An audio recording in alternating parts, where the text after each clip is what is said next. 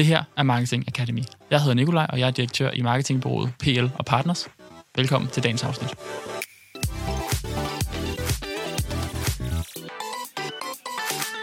Velkommen til Marketing Academy. I dag der skal vi tale omkring, hvordan man sætter sit ROAS-target. Så det her det er en, øh, et afsnit, der kun giver mening, hvis man er, eller primært giver mening, hvis man har en webshop eller en e-commerce. Det, du får ud af lidt med i dag, det er nogle af de faldgrupper, der er ved at sætte sit ROAS-target for lavt eller for højt, og vi kommer til at tale ind i profitsporing og øh, hvad du kan bruge det til, og hvad du ikke kan bruge det til. Og forhåbentlig får du en masse konkrete takeaways, du kan bruge til din egen e-commerce, eller den e-commerce, du, du arbejder med. Til at tale om det emne, der har jeg Rasmus med, som altid, Head of Product her i PL. Og for første gang en ekstern gæst. Christian, velkommen til. Jo, tak. Christian er med, fordi han er ven af huset, og er en af de mest erfarne e-com-personer, jeg, jeg kender. Du har drevet en, din egen webshop fra 0 til over 100 millioner i omsætning på tværs af markeder, og i dag er du konsulent, der hjælper forskellige e-commerce virksomheder, og også har dit eget e-com kursusunivers, ecom-eliten.dk. Så du er den klogeste mand til det her til det emne, jeg kunne finde. jeg håber, jeg kan bidrage med noget. Så. Skal vi ikke starte med at sige, hvor, hvad er nogle af faldgrupperne ved, ved at sætte til roerstak? Hvorfor er det svært at gøre? Det er, det er i hvert fald en, en rigtig vigtig ting at gøre, og også på et ret vigtigt tidspunkt, fordi ens ROAS-target er jo, i hvert fald i mange e-commerce tilfælde, er jo ligesom ledestjernen, og det man sådan navigerer efter, når man laver sin betalannoncering. Øh, og det betyder også, at hvis du sætter det øh, forkert, jamen så, så kan det være øh, ret fatalt for dig. Man kan sige, hvis du sætter dit ROAS-target øh, for lavt, så kan du risikere, at du faktisk ikke tjener nogen penge, at du faktisk mister, mister nogle penge, hver gang du laver et salg. Hvis du sætter det for højt, så risikerer du at, at begrænse dig selv.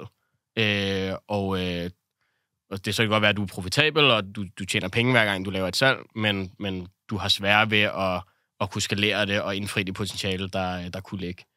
Øhm, og man kan sige, sådan, for sådan som os, Nikolaj, der, der arbejder i, i bureau og, og har gjort det altid, så øh, er vi jo lidt vant til, at når vi får en e-commerce kunde ind, så får vi ligesom stukket et, et ROAS-target i, i hånden, og så øh, typisk vil vi gå ind og, og udfordre det og, og, og vende det og snakke, snakke om det med kunden. Men, men man kan sige, vi har været vant til at, at meget få det ligesom stukket i hånden og sige, det er det her, vi går efter man sige, der, Christian, du har jo haft flere forskellige e-commerce og selv siddet og prøvet det her sådan på egen krop. Jeg tænker, kan du måske bare lige fortælle lidt, sådan, hvordan, vil, hvordan vil du gå sådan praktisk til værks, når du skal finde ud af, hvor skal vores ROAS-target ligge hen? Ja, selvfølgelig. Ja, men jeg tror, du har ret i det kompleks, fordi de fleste forretninger, der sidder derude, de trækker det tal enten ud af luften, øh, et gætværk, øh, eller deres revisor har givet dem et eller andet tal, som vil, det vil give god mening. øhm, og tit så sådan, den, den ROAS, du kan få på en ordre, den har ikke noget at gøre med, om forretningen kan være rentabel på øh, i sig selv. Øhm, især e-coms har jo store faste omkostninger, øhm, og derfor skal der ret mange ordre igennem, før at man overhovedet kan køre forretningen. Så, så en ting er at have profitable ordre, det er rigtig fint, men hvis du ikke har nok af dem, så har du ikke en forretning. Det er sådan det første skridt, jeg sådan, når jeg kommer ud til mange forretninger, så kan jeg godt se, jamen vi skal meget længere ned roersmæssigt, fordi vi skal have en forretning først og fremmest, øhm, og så bagefter kan vi tage os af, at alle ordrene skal give så meget profit som overhovedet muligt. Øhm, men fordi tallet er tilfældigt, så, øhm, og jeg, ikke, jeg laver ikke deres annoncering, jeg er bare med som sådan en form for vækstpartner, så, så siger jeg også oftest til dem, jamen hvis vi skal samarbejde med et bureau, som oftest er en rigtig god idé, jamen så skal vi give dem noget råderum. Så vi skal give dem et fast tal. Vi skal ligesom sige, det her det er smertegrænsen. Her er vi uprofitable. Her kunne vi godt tænke os at ligge, men det vi går efter, det er at finde ud af, ikke hvad nødvendigvis for ROAS skal være, men hvor kan vi få den største volumen af det, vi godt kunne tænke os. Hvor kan vi få den største volumen af omsætning eller af profit, og hvordan tryktester vi det over en periode. Så, man, så i stedet for at sige, jeg skal have den her ROAS, og hvis jeg ikke får det, så er jeg ikke tilfreds, så siger vi, vi starter med et budget på 10.000 om dagen, og øh, så kigger vi på det, evaluerer, hvad er ROAS, er vi profitable, næste uge så prøver vi det dobbelte, næste uge prøver vi det dobbelte. Det er sådan måske lidt hårdt sat, fordi det er ikke nødvendigvis sådan, man vil gøre det, det er ikke sådan, man vil skrue op, det ved I mere om, hvordan man ligesom skulle gøre det på en, en effektiv måde, men så vi får set, hvor er, øhm, hvordan ser kurven ud for, hvordan ROAS bevæger sig på tværs af budgetter. Øhm, så sådan, det, det er sådan marginal ROAS'en, altså hvad er, hvad er ROAS'en på det øgede budget? Fordi mange kommer sikkert også til jer, hvor de allerede har en forretning, de har allerede en ROAS, men de har aldrig nogensinde testet at køre det dobbelte budget eller det halve budget, så de ved ikke, om ROAS vil være den samme ved de budgetter. Mm. Øhm, så det er sådan det, jeg tror, jeg plejer at gå til forretninger med at sige, jamen, vi skal i hvert fald have testet, hvor, hvornår bliver ROAS dårlig, eller hvornår bliver ROAS bedre. Mm. Øhm, ja, ja. Og lad, lad os sige, Christian, nu kommer man i en forretning, som har som Rasmus sidder som kunde på. Godt samarbejde der. Mm. Og, og lad os sige, at, at, øh, at du går ind og siger, guys, jeres ROAS på 8, det er for højt, vi skal skrue ned til ROAS 5, mm. fordi der er ikke nok volumen på. hvad sker der i praksis, hvis man, hvis man har et bureau på, eller en med en marketing manager, hands on, som, siger, som pludselig får at vide, nu er det ikke ROAS 8, vi går efter, nu er det ROAS 5? Det, det frigiver jo en masse muligheder, har jeg lyst til at sige. For der, der er jo altså den typiske bevægelse, der jo sker, når, når øh, hvis du tager dit adspend, og du øh, forøger det, så vil din ROAS typisk i hvert fald, så vil den også falde. Så det vil sige, hvis du har en, en, et ROAS-target, der hedder 8, så vil du typisk finde sådan et eller andet leje i, hvor meget spænd kan jeg bruge på en eller anden kanal, eller på tværs af kanaler, for ligesom at, at nå den her i ROAS 8.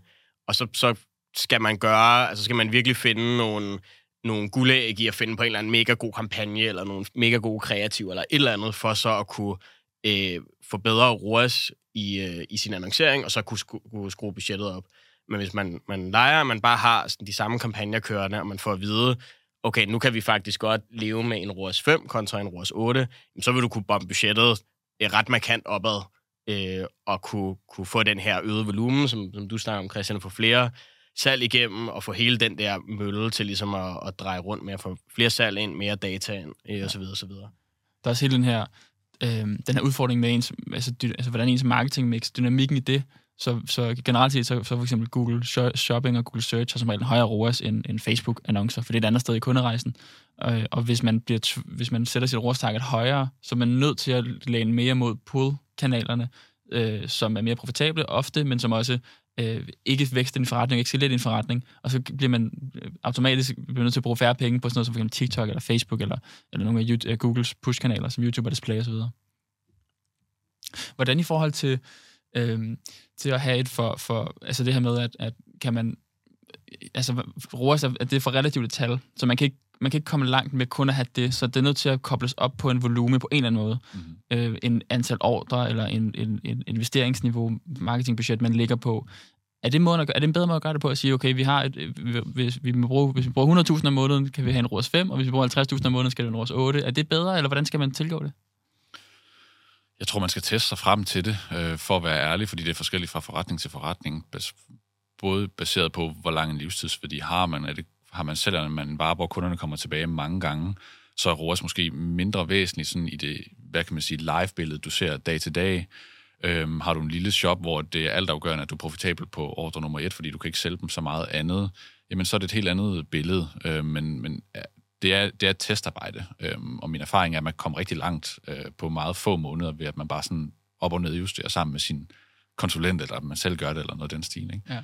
Øhm, og der er også et stort samarbejde i at få kanalerne til at spille, fordi man kan jo tit, jeg tror, jeg kan forestille mig, at I som bureau kan få hug på sådan kanalbaseret ROAS, altså ROAS'en på Facebook-annoncering.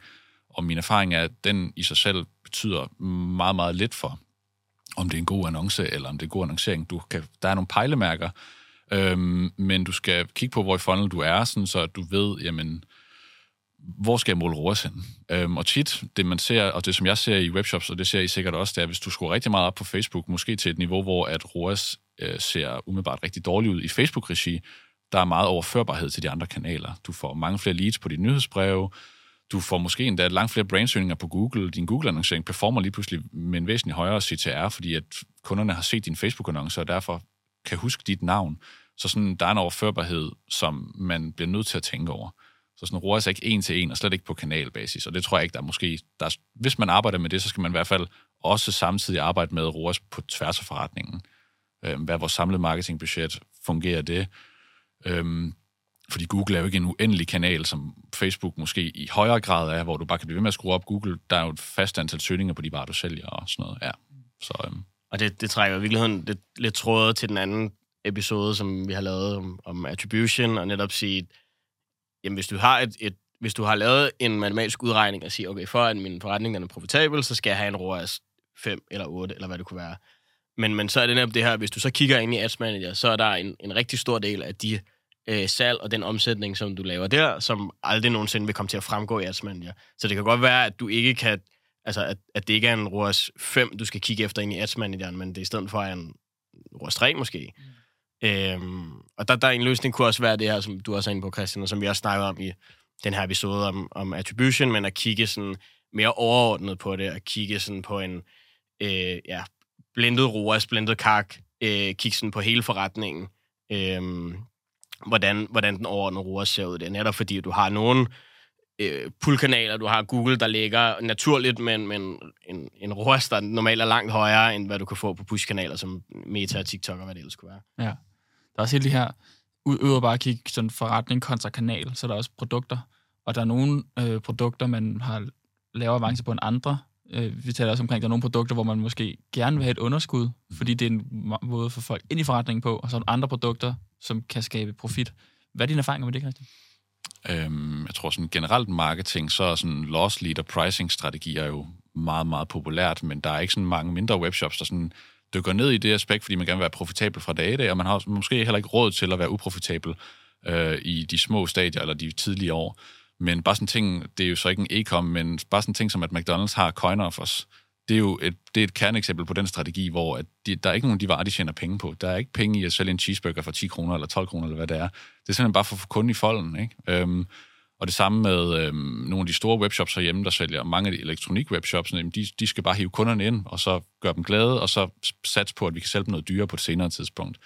Øhm, et godt eksempel er sådan kabelbranchen, hvor at for eksempel AV Cables, der sælger HDMI-kabler, det er et kæmpestort søgeord. Mange skal have det. De koster 12 kroner eller 15 kroner ja. eller et eller andet. Det kan der ikke være penge i. Og hvis man skulle køre ROAS-annoncering på det, så ville man miste en masse kunder. Man ville miste altså, måske 100.000, eller hvad ved jeg, mange, mange kunder om året, ikke?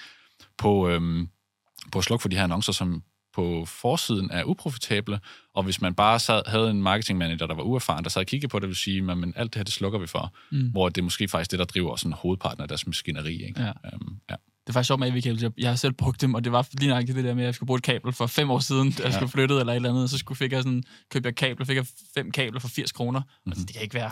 Det her skal produceres, og det skal markedsføres, og det skal pakkes, og det skal sendes afsted, og jeg giver 80 kroner eller et eller andet. Mm-hmm. Men nu ved jeg bare, at AV-kabels, der går jeg bare ind, hvis jeg skal bruge noget. Øh, så, så der er et eller andet over det. Og det, det er det der, der er, der er sindssygt vigtigt, der med, når man, når man gør sig de her tanker og laver de her udregninger, at man altså, har livstidsværdien med i mente. Fordi der, der er netop, altså der er mange forretninger, især e-commerce, der har alle mulige forskellige slags produkter. Altså så har du et eller andet, lad os kalde det et entry-produkt, som måske er lidt, lidt billigere, og som er et, som, som du kan pushe ud til en masse mennesker. Og så får de netop den første gode oplevelse med din webshop, og så vender de tilbage og laver genkøb og genkøb og genkøb. Øh, og det er netop bare sådan nogle ting, man, man... Altså, hvis man ikke har det med i tankerne, og altid tænker, at det første køb skal død og pine være profitabelt. Det er klart, hvis der er noget med likviditet og sådan noget, så kan det godt være, at du er tvunget til det, men, men sådan på den lange bane, kan det godt give mening for dig at, at lave nogle af de her salg, du siger, Christian, som måske ikke er profitable øh, på første køb, men efter øh, to år, når jeg har været inde og lave 20 ordre på øh, alle mulige forskellige kabler og stik og ting og sager på AV-kabler, så kan det godt være, at det, at det pludselig er en god forretning. Mm. Øh, og det er bare sindssygt vigtigt at have den her med, så man ikke... Det handler meget om at, at passe på ikke at begrænse sig selv for meget og sætte nogle for stramme targets, så du ikke får øh, den volumen, som kommer til at, at, at give dig en god forretning over tid. Ja, og det er jo svært, for jeg tror, hvis man kigger på, da corona ramte, ikke, så fra, fra sådan, det skete jo i marts 2020, og for kigger man fra midten 2020 til helt op til slutningen af 2021, der var jo sindssygt meget, altså onlinehandel fik lige et forspring på 10 år lige pludselig, vi gik lige 10 år frem på, på et øjeblik, og der var sindssygt mange e-commerce, der boomede, og der blev der var mange, der investerede i, i, i større lager, mere marketing, alle de her ting, og der har man nok været mega langsigtet, og tænkt, vi skal bare have kunderne ind, og så skal vi nok tjene penge på, på et tidspunkt, og der har også været penge på den korte bane, men man har været meget mere langsigtet der, og pludselig så er der i stedet for meget, meget medvind, så det er ikke engang status quo, det er faktisk modvind. Og inflation og, og, og købsvilligheden øh, i, i, i markedet og, og, og bare e-commerce-indekset, alt det der er meget, meget, meget hårde odds og nedadgående i forhold til, til før. Så nu er der også flere og flere, tror jeg, der, der enten øh, føler det mere rigtigt at tænke kortsigtet profit, men nogle gange også nødt til at tænke kortsigtet profit, apropos likviditet og sådan nogle ting. Øhm, noget af det, jeg synes, jeg bliver nævnt, mere og mere, også noget af det, vi arbejder på øh, på nogle cases, det er profitsporing. Der findes nogle forskellige tools derude, men hvor man, hvor man går efter, så, så kalder man det en, en PROAS eller en POAS, og siger, at vi, vi er ligeglade med omsætning, det handler om bundlinje og profit. Øhm, det, det synes jeg er blevet mere og mere populært. Er, er, det, er det en god måde at gøre det på, Christian?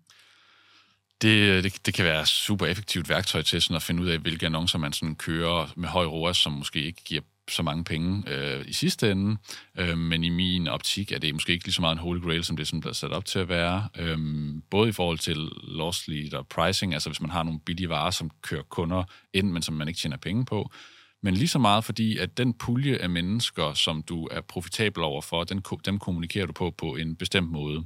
Øhm, så sådan Det kan være, du kører rabatkoder eller gratis fragt, og den pulje af mennesker, den er meget hurtigt udtømmelig af min erfaring. Så POAS på den pulje vil se god ud kortsigtet set, men vil lige så stille blive tømt. Øhm, og det er fordi sådan kvantitativ marketing er jo super fint, men hvis du ikke har et kvalitativt element i forhold til, jamen, vi skal lave profitable annoncer, vi skal tjene penge, vi skal have en god ROAS, men vi skal også påvirke de folk, der ikke er klar til at købe. Sådan POAS bliver meget målrettet, dem, der er klar til at købe, det er en meget, meget lille mængde af folk, der sidder købsklar. Mm. Øhm, øhm, så sådan POAS har ikke, i de forretninger, jeg har siddet i, reddet dem, eller gjort en særlig stor forskel i mange tilfælde, fordi øh, sådan inkremental, altså porostallet er ikke, det, det er mere følsomt, end rorstallet er. Så ofte så stopper vi faktisk med det og begynder at køre rors igen. Det kan være, at vi lige har fået nogle læringer, er det noget indblik i, okay, der er nogle varer her, vi ikke tjener så mange penge på, men det er ikke, ja, for mig at se, på de tværs af de mange cases, jeg har siddet på, der er det ikke lige så stor en holy grail, som det måske er gjort op til at være. Ja, og derfor det bliver, bliver for flyvsk, hvis man nu har du har forskellige perioder med forskellige profitter, og du har forskellige produkter, så bliver det for meget op og ned af justering, og, og ligge lige omkring det target, hvor ROAS det er lidt mere stabilt, det er lidt mere en langsigtet rytme, der kører måske. Er, er, det, er det sådan, det fungerer? Øh, ja, det er det, og jeg ved ikke, det bliver lettere og lettere at navigere i den der POAS-verden, men der er også øhm, spørgsmål om sådan reguleringen af de her tal i forhold til Facebook og Google. Hvor gode er de her maskiner til at regulere tal, som måske øh, opererer med en anden, hvad kan man sige, marginal end ROAS-tallet, os sige ROAS fra 3 til 5, men POAS-tallet det er måske 1,1 eller andet. Og hvis de maskiner ikke er vant til det, og hvis du skifter ud i dem, så, så kan de her maskiner måske ikke lige så godt finde ud af det. Jeg har i hvert fald selv haft nogle negative erfaringer med at skifte POAS-annoncering i Google-regi, hvor Google-maskinen kan bare ikke navigere i forskellen på 1,3 og 1,7, som er en stor forskel i profit, øhm, lige så godt som de kan navigere i ROAS 3 og, for, og ROAS 4 for eksempel. Mm. Øhm, så ja, min erfaring er bare ikke, at navigeringen sådan, i forhold til at få maskinerne til at fungere godt, er lige så god faktisk. Mm. Men det bliver sikkert bedre og bedre. Ja, ja. ja klart, og man kan også øh, få mere sådan sofistikeret tracking nogle gange og sige, at der, okay, vi, der er begyndt at komme flere flere ting i spil, ikke? så vi kigger på, hvor meget adspend bruger vi, altså, og marketingbudget i det hele taget, eller hvor mange ordre får vi, op imod et eller andet ROAS-target, rækkevidde, vi går efter, op imod et profit-target. Så du har ligesom de her tre øh, øh, blinkende lamper, øh, lamper på dit, i dit dashboard, eller når du sidder og kigger, sådan, så, sådan, så de alle tre hænger sammen, og du skal ikke stige dig for blind på kun på ROAS, heller ikke kun på, på POAS eller profitten, og heller ikke kun på annoncebudgettet. Det hele skal have, der skal være en sund sammenhæng der, hvor man skal sige, okay, nu, nu, nu offrer vi noget kortsigtet øh, profit, fordi vi kan se, at vi kan skalere med en fornuftig roer, så det vil vi gerne, eller nu tager vi lige følgehårene til sig, øh, til os, og vi gerne være lidt mere profitorienteret og, og vogte lidt mere. Så det er jo et godt, jeg tænker, det er godt at have i arsenalet, men man skal også bruge det varsomt, og ikke sige, heldig gral, det er altså roers 8, eller, eller en poros på over halvanden, eller hvad ved jeg. Jeg tror, tror det, det er vigt, en vigtig pointe, du siger, det der med, at jeg ikke stiger så blind på en af de her ting. Og jeg synes især, jeg, jeg har oplevet det med, med profitsporing, fordi at, at det er ligesom den måde, man taler om det på, så er det, okay, hvis, hvis min, min porer sparer over en, så betyder det, at jeg tjener penge. Og så, så kan det bare hurtigt, meget hurtigt blive den her holy grail, og sådan skyklapper, der bare siger, alt hvad jeg laver, skal bare give over en. Og, og, og der er det bare det her, hvad, hvad hvis du har øh, et potentiale på at få 100.000 kunder ind, som vil ligge på en POAS, der havde 0,95, og de vil måske øh, på sigt, så vil de lave flere køb, og så vil de blive nogle af dine bedste kunder. Så, så du, ligger, du kan bare ligge en, en, en stor begrænsning på dig der, øh, og som, som du også er inde på, Christian, så ligger der også noget i hele det her, jamen, skal du så måle øh, hele din funnel, altså også din prospecting, skal du også måle den på, at den skal give over en i pores? Altså, fordi igen, så begrænser du også, altså, hvis, hvis du går ud til nogen, der slet ikke kender dig, kan du så godt kan du så forvente, at du skal være øh, profitabel for hver eneste krone, du bruger på øh, Meta eller på Google, eller hvor det ellers skulle være. Mm. Ja. Christian, du havde en case, som vi lige kort talte om herinde, vi, vi tændte kameraet, i forhold til, at, at, at man har et ROAS-target, og så sker der noget i markedet eller med sæsonen, og så skal man faktisk ind og rekalibrere det. Mm-hmm. Vil du ikke prøve at sætte det på på det? Jo, øhm, det er jo fordi, man bliver jo vant til en, en ROAS, og især hvis man samarbejder med bureauer, eller man har mange mennesker til at tage stilling til det, så, så får alle sådan en vane for, at det her det skal vi køre, ellers så kan det ikke betale sig. Øhm, den case, som jeg har siddet med, øh, var nogen, der solgte øh, ja, drikkevarer alkoholisk art, og havde et enormt stort budget øh, under corona, som mange af de shops havde.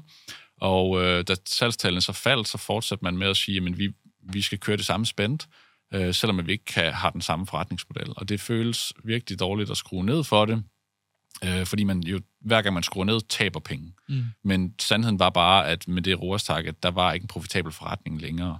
Øhm, og øh, der startede vi simpelthen bare forfra re- rekalibreret. Det kan, være, så, det kan også være baseret på simple sæsonudsving, eller varer, der ikke er populære længere. Altså, at man, man skal vende sig til både at skifte budgettet over til nye varer, eller simpelthen starte forfra. Så man har kørt en lang periode, hvor at man har kørt et højt budget, men nu prøver vi at halvere det, eller i vores tilfælde, der gik vi ned til 10 procent af det nuværende spændt, og så siger vi, at vi bruger en måned på at bygge det op igen. Mm. Øhm, og så nåede vi op på 50-70 procent af deres gamle spændt, altså det høje spændt, men på en helt ny måde og mere profitabel måde, fordi vi havde fået indsigt på ny igen i, hvad er de bestsellers, og hvad er det for nogle nye varer, der kan drive en positiv ROAS. Øh, så vi ligesom prøvede at lægge det bag os, det vi havde lært i den periode, som ikke rigtig betød noget for den, den fremtidige plan. Ja. Øhm, ja. Og så en super vigtig pointe, man hele tiden er skarp på, at, at tage stilling til de her ting. Selvfølgelig ikke dagligt og ugenligt, men at man løbende sig op, er vi, øh, er, hvilken sæson er vi i? Øh, jeg, jeg, jeg sparer lidt med, med, med en e-commerce, som, hvor der er sådan, deres primære produkt, det er t-shirts. Og, og på dagsniveau svinger det.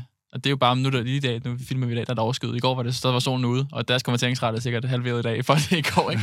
så det er også bare, hvordan så skal man så sætte det rådstakket ud for det? Så hvis vejret kan påvirke, eller bare sæson generelt, eller hvis der har været en, en, en, en, en længere periode, hvor markedet har været med dig, og nu er det mod dig, det kan også være konkurrencesituationen. Du er nødt til at tage stilling til det løbende, hvis der kommer de her makroændringer, der påvirker dig på den ene eller den anden måde, og, og, og så finde ud af, hvordan du skal sætte dit target. Det er en mega vigtig pointe, tror jeg, som mange glemmer, og det får jeg tit meget hate for, når jeg kommer ud i første omgang, det er, det kvalitative element af at køre annoncering, det er vigtigt, fordi du kan ikke køre ROAS på daglig basis. I har sikkert også oplevet kunder, der skriver til jer, at ROAS var dårlig i går. Ja, præcis. Og det, det, det findes ikke. Det, sådan kan du ikke regne på din marketingindsats.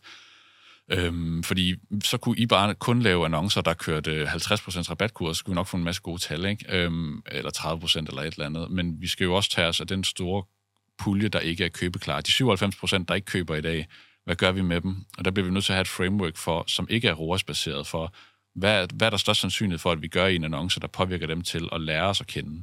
Så der, der vil jeg altså anbefale dem, der lytter med til at sige, at vi bliver også nødt til at have en form for guideline eller en form for framework for, hvordan vores annoncer skal være, som ikke har noget med ROAS at gøre, som ikke er et tydeligt hook eller en god rabatkode, men som siger, hvordan får vi overleveret value prop, altså hvad står vi for, hvordan får vi givet dem en god følelse af, at vi er troværdige, hvordan får vi fortalt dem, hvad vi er bedst til, og hvad vi ikke er lige så gode til. Alle de der ting, det skal jo også være en annonce, annonce som ikke nødvendigvis er en til en overførbar på ROAS, fordi den bliver meget sådan monetær, altså er kunden klar til at købe, men øh, værdier, der snakker til alle dem, som ikke er klar til at købe lige nu, men som får dem, får dem rykket fra den ikke købeklare pulje over til den købeklare pulje, sådan så vi kan køre hårdt på dem med alle vores øh, lidt mere hardcore annoncer, der, der ja. er, som er fokuseret direkte på ROAS. Det er en super god idé. Og hvordan, hvordan vil du approach det? Fordi er det, er det noget med, at man, man siger, nu sætter vi x antal af vores budget af, der kun bliver målt på det, det mere langsigtede, eller bliver, bliver det en del af den samlede udregning af den, den her, det vi kalder øh, det her MER, øh, Marketing Efficiency Ratio, eller blended ROAS, hvor vi siger, okay, vi har en samlet omsætning, og vi har en samlet marketingomkostninger. Og så, så i det, så vil Google måske være meget profitabel, der er der nogle top annoncer der er meget lidt profitable. Øh, det, er også, det kunne også være med at gøre det på. Men hvad, hvad er din erfaring der? Hvordan, hvordan skal man finde ud af, hvor mange penge skal bruges på det helt langsigtede, og hvordan skal vi egentlig måle det? Ah, det er et godt spørgsmål, fordi det er noget, som sådan, jeg tror ikke alle folk er enige om. Jeg, jeg kan godt lide jeg vil ønske, at man sådan en gang imellem kunne gå tilbage i tiden, hvor man ikke kunne måle på det. Og hvordan lavede annoncører og marketingfolk gode annoncer dengang? Det gjorde man jo på en kvalitativ måde. Ikke? Man blev nødt til at, og ligesom også have noget godt feeling med i det, og sige, men hvordan får vi kommunikeret vores virksomhed? Og det tror jeg, der er mange e-coms i dag, det tager de så slet ikke af. Altså de tænker, de, de, sådan, annoncen, den, den har intet at gøre med, øh, andet end det tal, som de kan se på en skærm. Og så bliver det sådan meget øh, firkantet, og ikke, så tager man ikke stilling til det. Jeg synes helt sikkert, at man skal bruge en stor del af sit budget på at få edukeret den pulje af mennesker, som ikke er klar til at købe. Og det vil jo se ikke uprofitabelt ud, og så det er jo derfor, man nok bliver nødt til at køre annoncering over lang tid, og man ikke kan måle på daglig ROAS. Øhm, og bliver nødt til at finde nogle co-measurements, hvor man siger, vi er nødt til at måle på nogle andre ting også. Vi er nødt til at måle på... Øh, hvad er stigningen i brandsøgninger på Google? Det er sådan typisk meget stor tomfingerregler for mig på tværs af e-coms, hvor du ser det meget, meget pludseligt, at du kan køre Facebook-annoncering med vildt dårlig ROAS, men du får bare enormt mange søgninger på dit brand. Eller, og det kunne være alt muligt, ikke? Det kunne også være, hvor mange følgere får du, eller et eller andet. Mm. Men du bliver nødt til at finde nogle andre målestoksforhold også. Ikke, at din forretning ikke skal køre rundt, så det er en god idé stadigvæk at have en MER, som er sådan en nordstjerne for, vi skal cirka ramme herinde i, men vi bliver også nødt til at køre annoncering, der påvirker andre ting end vores salg i dag. Mm. Ja. ja det giver super god mening. Jeg synes, det var en, det er interessant det her med, den her case med under corona gik det godt, og så gik det ned. Jeg, jeg havde en, øh, jeg havde en sparring med en bureau, øh, bureauering øh, for, for noget tid siden, som havde en, en, en stor kunde i Sverige, som var meget øh virkelig boomet under corona, og så må det skalere ned, øh, obviously, da, i takt med, at krisen var over, i hvert fald, lad os sige den over, øh, og, så, øh, og så påvirker deres marketing rigtig meget, og de, de har så holdt fast i, i sådan noget, som de havde kæmpe lager, og de havde en masse lagermedarbejdere, og jeg gik ikke nok ind i det, men for some reason, så er det, det er super svært at afskedige folk i Sverige, så hvis først du har ansat lagermedarbejdere, så selvom du, din omsætning er en tredjedel af, hvad den var før, så, så skal de stadig have løn, fordi det, det er bare svært. Ikke? Så, så de havde nogle, deres, deres faste omkostninger var pludselig meget høje i relation til deres budget, og, og fordi de holdt fast i deres høje ROAS target, så, så kunne de bare ikke bruge så mange penge som før. Så, så det, som, som byrådet med at gøre, hvor de sagde, guys, I er nødt til at sænke jeres ROAS target, fordi I har så mange faste omkostninger, I ikke udnytter ordentligt nok, så, så vi er nødt til at få en større volumen igennem. Så det, der faktisk skete, det var, at de sænkede deres ROAS target, og så kunne de få meget mere volumen igennem, og så øh, blev deres bundlinje forbedret. Så deres profit i, i, i absolute termer blev højere, efter de sænkede deres ROAS target, fordi de, der var ikke nok volumen igennem til at bære øh, til at bære de faste omkostninger. Og det synes jeg var en super interessant dynamik, for helt, det skal hele tiden rekalibrere. Og det er både de eksterne faktorer, men også de interne i forhold til lager, øh, mandskab, alle mulige andre ting, som også påvirker.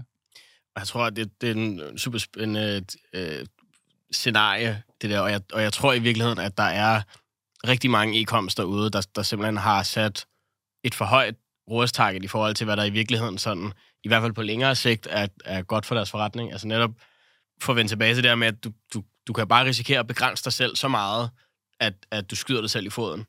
Øh, og altså nogle gange kan det være, jeg kan i hvert fald føle, det kan være svært som, som, som bureau for en kunde at komme og sige, at kunden har sat det for høj ROAS-target, fordi så kan det godt blive taget som sådan en, Nå, men det er fordi, så I kan ikke nå det her target, så vi gerne have det lavere.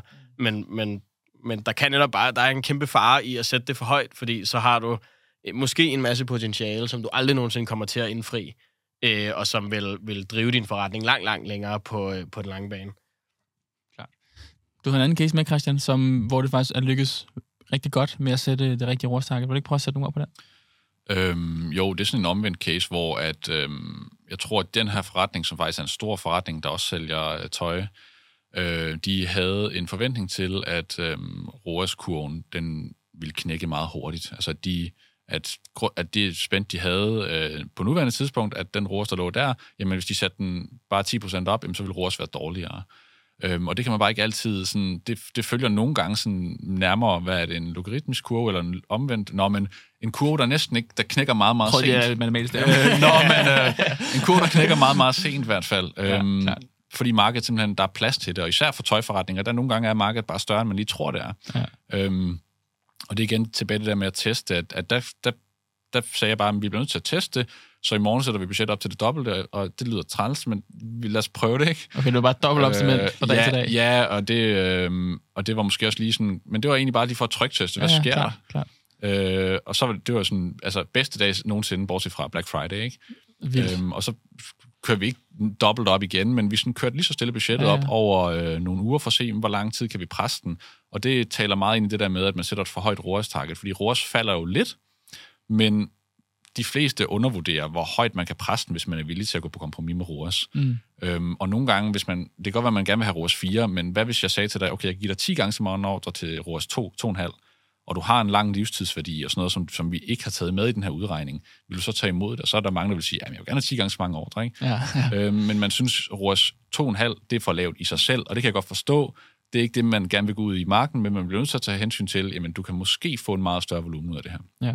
Og i det her tilfælde, der tror jeg, vi endte på det, øh, det cirka 10 dobbelte i spend, øh, hvor ROAS obviously var lavere, men ikke stadigvæk på et niveau, hvor vi siger, at forretningen samlet set, volumen af den profit, der kommer ind øh, per år, altså per, profit per år var meget lavere, men den totale volumen af profit var meget større. Ja. ja. Super fed case. Kan du, kan du hjælpe mig med, hvis, hvis der så er nogle, nogle e-commerce og, og lytter med, og, og, og altså, det er selvfølgelig super, super individuelt, om din ord skal være 3 eller 5 eller 8, eller hvad du, hvad du skal gå efter. Nu vil jeg tale omkring, er det overhovedet det rigtige? Det er ikke en, du kan ikke isolere det som en, en god ledestjerne, der er nødt til at være noget profit indover, der er nødt til at være noget, noget volumen indover. Men, men hvordan, hvor skal man starte for at finde ud af, skal min ROAS være 4 eller 5 eller 3,5, og hvilken volumen skal jeg gå efter? Hvad er det, man skal kigge efter? Hvad er det, man skal gøre for at blive klogere på, hvordan man har det optimale ROAS-target? Mm. Øhm, jeg tror, man starter med forretningen, øh, hvor mange ordre skal vi have igennem, for at det her, den her forretning kan køre rundt med vores nuværende medarbejdere, lager, altså så man ved, hvad er volumen. Og så tager man en dialog både med, med sin, sine medarbejdere, men også sit bureau, sådan, hvad er nok baseline i det her marked? Hvad kan vi køre annoncering til? For hvis der kommer nogen til jer og siger, vi skal køre ROAS 20, så siger jeg også, men det kan faktisk bare ikke lade sig gøre i det marked, vi er i. Vi skal nok starte her omkring. Og så starter man der omkring, og så, øhm, og så vil jeg anbefale, at man bare laver et simpelt... Øh, det kan, man kan starte... Man kan få noget software til det, men man kan også bare starte med et helt simpelt Excel-ark, hvor man siger, at det her det er vores daglige budget lige nu. Øhm, og så op- og nedjusterer vi, og så ser vi, så ser vi, hvordan det påvirker vores totale forretning. Øhm, for dem, der ligesom skal have behov for at have det lidt mere firkantet. Hvis, lad os sige, du bruger 10.000 om dagen til ROAS 3, og vi sætter, vi bruger, så bruger vi 20.000 om dagen, og det giver os ROAS 2, så har de ekstra 10.000 om dagen kun givet os ROAS 1. Ikke? Altså, så, ja. så vi mødes på midten. Ja. Så selvom at ROAS 2 måske er acceptabelt, så er ROAS på de ekstra penge ikke acceptabelt. Så man kan ikke hele tiden kigge på total ROAS, man bliver også nødt til at kigge på den ROAS, på den mængde, man bruger ekstra. Ja. Og det sker jo begge veje, også når man bruger mindre. Mm. Øhm, at der vil ROAS så blive tilsvarende hurtigere og bedre øhm, på, de, på det budget, man ikke bruger. Mm. Øhm, og det, det, det kan man jo bare indtaste i Excel-ark, hvis man skriver budgettet ned hver dag, og hvad ROAS har været, og sådan noget bagudrettet. Det kan man også gøre det uge for uge. Det er nok sådan mere end retvisende. Så finder man ret hurtigt ud af, hvor knækker vores kurve. Og det, det, det skal man gøre sådan rimelig tit, fire gange om året eller et eller andet, for, fordi det, der er også sæsonudsving og sådan noget. Men det er sådan en god starting point at starte med, hvad skal vores totalvolumen være? Snak med sit bureau om, okay, hvad kan lade sig gøre i det marked? Vi har, man har bare en fast... Facebook har en CPM-pris, som ja, du kan manipulere lidt, alt efter hvor god din annonce er, men det koster også bare et eller andet. Mm. Øhm, og, og det skal man tage hensyn til i første omgang, men så bagefter, ja, tror jeg, det er testarbejdet i at, at, navigere op og ned. Ja. ja. Fedt. Super godt konkret råd. Ja. Hvis vi skal prøve at opsummere lidt og kigge på, øh, for 60 sekunder hver lige med et øjeblik, og sige, hvad, hvad skal lytteren gøre her? Og det er enten dem, som, som tror, at, de, at ja, det er nok for højt eller for lavt target, eller dem, der bare er i tvivl. Hvad, hvad skal man konkret hjem og gøre for at blive klogere på det her? Vil du lægge for land? Jeg tænkte, det, det første, jeg ville gøre, hvis, hvis jeg var e-commerce ejer eller marketingperson og havde et ROAS-target, vil sige en, hvad egentlig, hvis, hvis jeg nu fik eh, dobbelt så mange salg igennem, eller tre gange så mange salg igennem, ville jeg så godt kunne tåle en lavere ROAS, end den, jeg går efter lige nu. Så dem, det vil jeg nok tænke over. Jeg vil, jeg vil tænke rigtig meget over, om livstidsværdien på en kunde er regnet ind i det ROAS-target, som man arbejder ud fra. Øh, og så kan man lave altså sådan en, en meget sjov lille analyse, som man, øh, som man kan lave, er, hvis man, øh, hvis man går ind og vælger nogle, nogle, finder nogle kunder i sit system, som har lavet øh, et eller andet x antal ordre, og så går ind og prøver at se, sådan, okay, hvad var det første produkt, de egentlig købte, og så se det her sådan entry-produkt, vi har snakket lidt om. Er det sådan et af de her lidt billigere produkter, som typisk vil give en lavere ROAS, hvis kunden kommer ind igennem betalt annoncering, men, men altså, kom ind på et eller andet billigt produkt, men har så måske efter kø, efterfølgende lavet to, tre, fire efterfølgende køb til en større ordreværdi, og så bare have det med i tankerne i forhold til, når jeg kører en kunde ind, så kan der altså godt ligge en rigtig stor livstidsværdi efterfølgende. Mm. Super fed råd. Jamen, øhm, jeg tror, det er måske ikke noget, vi har berørt så meget, men at jeg vil sådan dele min ROAS op i tre øh, elementer. Sådan, vi har annonceringen, som er den, vi har snakket om. Så har vi siden, hvor kunden ligesom skal konverteres, og så har vi alt det efterarbejde, der ligger typisk i e-mail marketing. Og jeg, i min optik, der er ROAS langt lettere at påvirke i de to sidste øh, af tilfældene hvor at dem, der typisk giver en opgave til jer, så giver man meget magt til annoncøren eller annoncerne, og så siger man, ROAS den er afhængig af, hvor god annoncen er. Hvor jeg tror, man skal bare sige til sig selv, vi skal bare drive en masse trafik med de her annoncer, og det, der påvirker, om ROAS er god, det er, om jeg har et godt produkt til en god pris, og en, en god landing page, hvor jeg er tydelig til at vise, altså jeg har gode billeder, gode tekster, øh, gode USP'er. Det er det ene, sådan det, der skal ske på siden. Det kan påvirke ROAS enormt meget det er jo bare helt almindelig konverteringsoptimering. Der er bare mange sider, der ikke tager sig af det, som bare giver alt ansvar til annoncen. Og så det sidste arbejde, det er, hvor meget øh, mere kan jeg hive ud af kunden bagefter, jeg ligesom har fået dem. Så tag sig af, at man får deres mail selvfølgelig, og så lave et rigtig dygtigt sådan, opsalgsarbejde bagefter. Ja. Fedt. Super godt råd. Det er faktisk, vi har lige fundet statistik fra Meta på, at, at i deres, selvfølgelig deres tal, så 80% af, ikke omsætningen, men 80% af bundlinjen kommer fra retention-indsatsen. Og de siger, at det typisk er 20% af af indsatsen ligger for annoncørerne. Så der er sindssygt meget uforløst potentiale i, i alt, hvad der sker post, postkøb. Mm-hmm. Cool. Guys, tak for jeres tid. Tak for, at I ville komme, Christian. Selv tak. Det var dagens afsnit, og det sidste afsnit i første sæson af Marketing Academy. Jeg håber, du fik en masse konkret ud af det, og så øh, række ud, hvis der er nogle spørgsmål. Så vil vi hjertens gerne besvare dem. Tak for nu. Tak fordi du lyttede eller så med. Hvis du har nogle spørgsmål til det, vi har talt om i dag, eller noget input til noget, vi kan gøre bedre, så ræk endelig ud til mig på LinkedIn eller på vores hjemmeside på plpartners.dk.